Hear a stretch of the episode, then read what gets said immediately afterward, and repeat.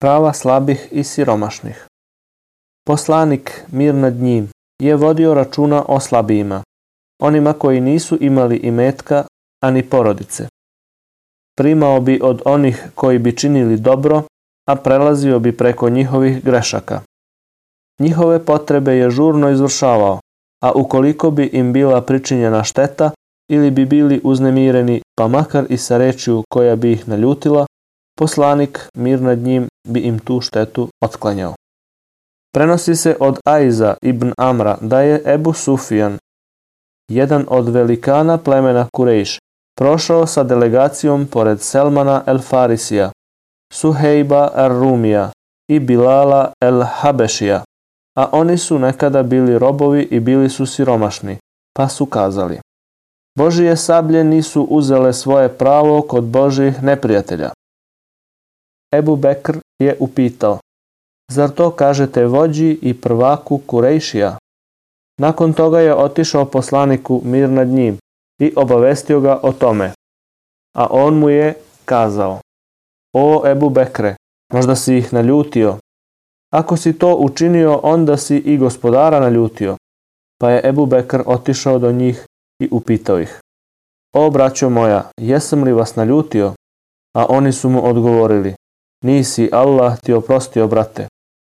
Boži poslanik mir nad njim je kazao, možda baš onaj čupavi, prašnjavi čovek, kojeg ljudi teraju od svojih vrata, kada bi od Boga zatražio nešto, on bi mu to uslišio. Poslanik mir nad njim je podučavao svoje sledbenike da i metak, društveni položaj i prestiž ne daju čoveku vrednost ukoliko je ne zasluži. A siromaštvo, manjak i metka i nizak status u društvu neće čoveku umanjiti vrednost koju je zaslužio. Jednom prilikom je neki čovek sa svojim prijateljima prošao pored poslanika mir nad njim, pa ih je on upitao. Šta mislite o ovom čoveku? Oni su odgovorili. On je jedan od najuglednijih ljudi. On, tako mi Boga, Kada bi zaprosio neku, ona bi pristala. Kada bi se za nešto zauzeo, to bi bilo primljeno. A kada bi govorio, to bi se slušalo. Poslanik, mir nad njim je čutao. Nakon toga je prošao jedan siromašan musliman, pa je poslanik upitao. Šta mislite o njemu? A oni su odgovorili. Kada bi on zaprosio ženu, ne bi ga prihvatila. Kada bi u nečemu posredovao, to se ne bi primilo, a kada bi govorio, to se ne bi slušalo. Zatim je poslanik mir nad njim o siromahu kazao, ovaj je bolji nego prepun svet onakvih. Božji poslanik mir nad njim je kazao, Hoćete li da vas obavestim o stanovnicima raja? To je svaki slabić koji kada bi od Boga nešto zatražio, on bi mu to ispunio. Hoćete li da vas obavestim o stanovnicima vatre?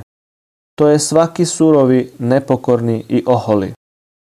Jedan od dokaza da se poslanik mir nad njim brinuo za slabije jeste slučaj gde je jedna crnkinja koja je čistila džamiju prestala dolaziti, pa je poslanik upitao za nju, a oni su mu odgovorili da je umrla. Tada je on upitao, kako me niste obavestili? Pokažite mi njen grob. Nakon što su mu pokazali, on je klanjao dženazu, namaz koji se klanja za umrlu osobu. Društvo u kojem slabi i siromašni osjećaju da su bitni i da se odgovorni o njima brinu jeste društvo u kojem vlada solidarnost, milosrđe i humanost, čije se blagodati prosipaju na svakoga. Zbog toga je poslanik mir nad njim kazao Kome Bog da vlast u nečemu što se tiče muslimana, pa on zanemari njihove potrebe i učini ih siromasima, Bog će njega zanemariti, ostaviti i osiromašiti na sudnjem danu.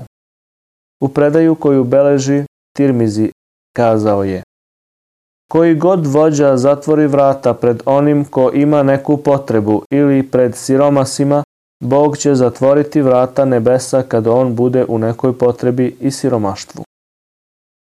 I kazao je, ko bude imao vlast nad ljudima, pa zatvori svoja vrata pred siromašnim, onim kome je učinjena nepravda ili onim ko ima neku potrebu, Bog uzvišeni će zatvoriti vrata svoje milosti kada on bude imao neku potrebu ili bude siromašan. Poslanik mir nad njim je pozvao kompletno društvo da stane u odbranu onih kojima su prava uzurpirana bez obzira kakav imao položaj i ugled. Tako je napravio vezu između ovog pitanja i pitanja vrednosti jednog naroda ili zajednice kazavši kako da Bog ceni narod u kojem slabiji ne uzimaju svoje pravo od bogatih, a bogatima to neće naneti štetu.